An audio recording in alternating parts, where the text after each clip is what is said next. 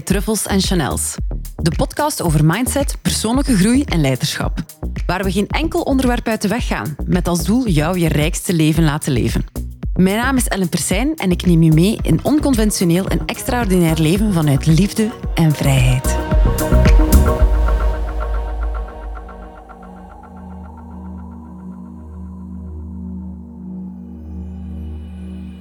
Welkom bij Truffles en Chanels. Hey, hey, ik ben Ellen Persijn en ik ben de oprichter van Full Circle Coaching.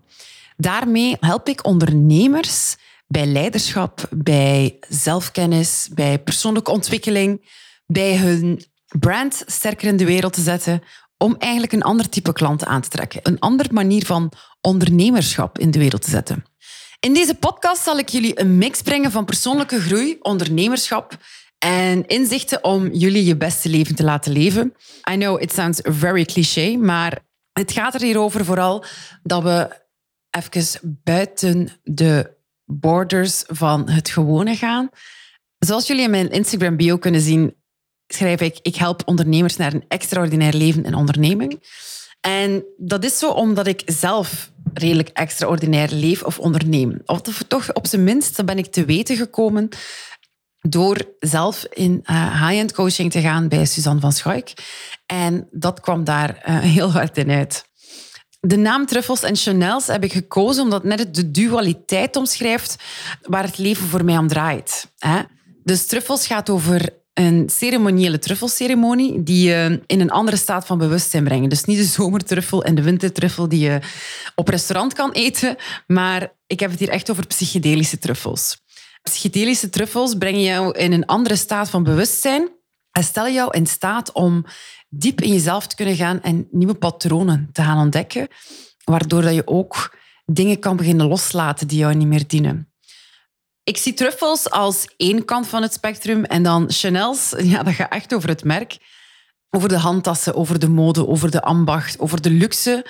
En omdat ik vind dat heel veel van hun stukken prachtig staaltje design zijn, en dat ligt dan eigenlijk op het heel andere kant van het spectrum als we truffels en chanels samen in één zin brengen. Vandaar die dualiteit. Wat is mijn bedoeling met deze podcast? Is om eigenlijk onderwerpen aan te snijden, ofwel uh, ik zelf alleen, of ik nodig mensen uit die ons wat meer kunnen vertellen over ja, taboe doorbrekende onderwerpen, over uh, de les, de minder gewandelde paden, zeg maar. Het ene is aards en diep ondergrondelijk en het ander staat voor meer ja, oppervlakkigheid, luxe, schoonheid. Maar dat is net wat mij boeit. Dat is net waardoor het leven voor mij veel kleurrijker wordt. Dus ik vind dat die twee samen kunnen bestaan. Je moet niet enkel wit zijn en je moet niet enkel zwart zijn. Er mag best wel iets tussen, of er zit heel veel tussen. En je mag eigenlijk gewoon zijn wie dat je wil zijn en je mag de keuzes maken die je wil maken. heel vaak gaan we dat niet doen omdat we denken dat we een bepaald iets of iemand moeten zijn, of een bepaalde persona moeten aanhouden om binnen bepaalde lijntjes te kunnen passen. En dat is een heel onbewust proces vaak. Hè? Het is niet dat ik zeg van iedereen wil echt binnen bepaalde lijntjes lopen en die wil er binnen blijven. Nee, wij als mens zijn gewoon een sociaal wezen. En inherent gaan we het zoveel mogelijk proberen vermijden om buiten de groep te vallen, om buiten de massa te vallen. Terwijl we eigenlijk zelf ook heel harde weerstand kunnen hebben op alles dat massa is en op alles dat kuddegedrag is, toch gaan we onbewust heel vaak keuzes maken die daarbinnen passen. Maar die keuzes zijn niet altijd passend bij ons, bij wie we echt zijn. Waardoor ik vind dat we als mens gaan een beetje vervagen, een beetje gaan verzwakken, een beetje gaan vergrijzen. En dat is gewoon super jammer, want het leven kan één groot kleurrijk feest zijn, door hier en daar andere beslissingen en keuzes te gaan maken. En dat is net de rijkdom waar ik het over wil hebben met jullie tijdens deze podcast. Het is natuurlijk handig dat jullie mij een beetje beter leren kennen, dat jullie weten wie hier achter de micro zit. En een cliënt vroeg mij over het laatst of ik even wou delen wat mij hier had gebracht. Wat mij had gebracht tot waar ik vandaag ben. Ik ben ehm, ondernemer, ik ben eh, de oprichter van Full Circle Coaching en de medeoprichter van de Hands On Academy. En in beide bedrijven help ik ondernemers op vlak van persoonlijke ontwikkeling, mindset, leiderschap, keuzes maken, in je kracht staan en alles er rond. Dus Ik zelf heb een heel woelig pad bewandeld alvorens ik hier toe kwam. En alvorens ik voor mezelf durfde en kon zeggen dat dit iets was wat ik wou doen of mocht doen zelf. Ik heb me heel lang bescheiden gehouden, want we hebben allemaal soms wel dat stemmetje van, ja, wie ben ik om mensen bepaalde dingen te gaan vertellen? Wie ben ik om bepaalde mensen te gaan helpen? Hoe kan ik dat van mezelf gaan zeggen? Dat heeft voor mij even geduurd, tegen dat ik echt zelf op die plaats kon gaan staan. De voorbode daarvan was, ik heb gewoon een bachelor gevolgd en in de communicatie. En vanaf toen bleek al dat ik redelijk avontuurlijk was. Als iedereen in België zijn stage wou doen, dan had ik besloten om ze in Londen te doen. Ik zelf ben ook een HSS'er. Wat is een HSS'er? Dat is een High Sensation Seeker. Dus wat wil dat zeggen? Ik leef op thrill. Dus um, om mij iedere dag hetzelfde te laten doen, uh, op dezelfde manier, in dezelfde omgeving, dat is voor mij de hel. Dus um, ik hou van verandering, ik hou van avontuur, ik hou van uh, putting new things in the mix. Want daar loop ik gewoon heel goed op. Maar goed, even rewind naar mijn jeugd of naar mijn verleden. Um, ik ben opgevoed door twee ouders die zelfstandig waren. Mijn ouders hadden een uh, frituur. En die werkten allebei heel hard. En dat kwam een beetje ten koste van de tijd die ze voor mij hadden. Nu, als kind ben ik heel veel alleen geweest. Maar in retrospect ben ik daar heel dankbaar voor. Wat maakt dat ik gewoon zelf, heel zelfredzaam ben geworden.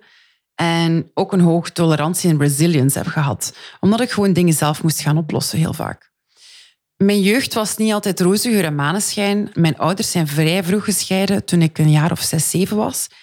En mijn vader is dan heel hard beginnen drinken, waardoor er minder tijd voor mij vrij was, uh, omdat er meer tijd op café moest doorgebracht worden in zijn wereld. En dat heeft ervoor gezorgd dat ik heel snel afstand genomen heb van mijn vader. Ik denk rond mijn dertien jaar of zo. Mijn moeder had het ook uh, heel druk met zichzelf op dat moment. En ik ging ook al snel op internaat daardoor. Omdat ik was niet de gemakkelijkste puber, laat het ons zo zeggen. Dat is al heel zachtjes uitgedrukt. I was a feisty one. En op internaat gaan heeft mij eigenlijk super, super veel um, gebracht. Ik had zelf gekozen om naar een bepaalde school te gaan. Intuïtief. En in retrospect heeft mij dat heel, heel, heel veel opgebracht. Om een beetje te kaderen. Ik zat op een, uh, een school waar heel veel gedoogd werd, zeg maar.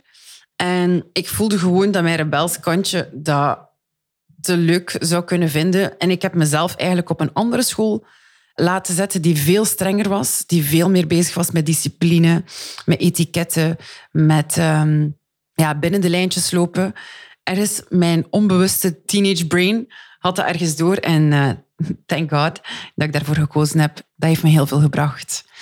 Nu, even fast forward. Rond mijn 25ste zag ik mijn vader echt niet vaak. En plots op een dag kreeg ik een, heel apart gevoel in mijn buik. En ik had het gevoel dat ik naar zijn huis moest. En toen ik daar aankwam, heb ik mijn vader eigenlijk uh, dood aangetroffen. Dus mijn vader was overleden. Vanaf toen, op dat moment, is mijn leven en mijn systeem in een rollercoaster beginnen gaan. Ik had ineens heel veel verantwoordelijkheid. Ik moest heel veel dingen gaan oplossen waar ik totaal nog geen kennis of kunde van had. Er moest een huis verkocht worden, de huis moest leeggehaald worden, een begrafenis moest geregeld worden. En ik zelf een enig kind en had dus niet echt een support system om mij daarbij te helpen. En gelukkig had ik enkele lieve familieleden die daar een paar dingen hebben opgepakt voor mij. Maar de grootste vibe of de grootste, ja, laten we zeggen, de grootste beweging was dat ik heel veel alleen moest doen en op een heel hoog tempo.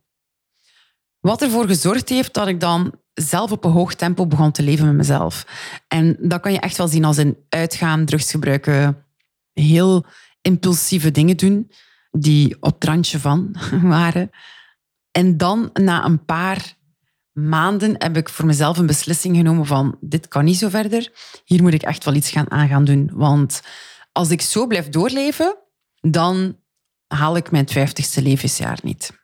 Nu, mijn allereerste stap was bij een psychologe. Ik wist dat er iets aan de hand was met mij. Ik wist ook niet goed wat. Ik had verder ook nog niet gerouwd voor mijn vader, want ik was maar bezig, bezig, bezig. En stiekem wou ik eigenlijk ook niet rouwen om hem, want ik had er nooit echt een band mee gecreëerd in mijn tienerleven. Dus er was echt heel weinig connectie. Na psychologische begeleiding ben ik bij een coach gegaan. En vanaf toen is mijn wereld, mijn leven, mijn levensbeeld in een stroomversnelling geslaan. Na enkele maanden zag ik de wereld al helemaal anders dan ik die daarvoor zag. Ik stapte uit de slachtofferrollen en ik kwam in mijn leiderschap te staan. En sindsdien is mijn leven gewoon getransformeerd. Ik heb mijn job opgezegd. Ik ben mijn eigen coachingsbedrijf begonnen. En nu, fast forward, vier jaar later, zijn we hier. Heb ik twee bedrijven. Ben ik uh, zo blij met wat ik aan het doen ben. En ben ik heel dankbaar uh, dat ik mag doen wat ik doe. Dat ik het vertrouwen krijg van cliënten uh, om hen te helpen en om hen ook verder te laten evolueren. En dat is een beetje mijn verhaal waarom ik begonnen ben. Was het niet door zelf gecoacht geweest te zijn, dan weet ik niet wat er van mij geworden was. Dankzij coaching ben ik echt in mijn krachtigste zelf komen te staan. En als je deze evolutie mogen meemaken, ik heb zoiets van, als ik dat kan, kunnen nog mensen dat. Als dat voor mij mogelijk is, kunnen nog mensen dat. En is het eigenlijk mijn God-given task in this world om dat gewoon te gaan doen. En om mensen ook te laten evolueren, om ze ook die inzichten te kunnen geven, om ze ook in hun leiderschap te zetten. Want er is niets zo mooi en zo krachtig dan in je leiderschap kunnen staan en gewoon dingen doen zonder je constant zorgen te maken over wat iemand denkt van jou, over wat mensen mogelijk kunnen denken of zeggen van jou. Je doet gewoon omdat je voelt dat het voor jou werkt en omdat het voor jou klopt. En soms doe je ook en het mislukt, maar dat is even goed. En die resilience, die kracht, dat is wat ik echt wil doorgeven naar mijn cliënten. Dat is echt waarvoor ik hier op de aarde ben gezet. Dat is mijn doel. Dat is wat ik hier kom te doen.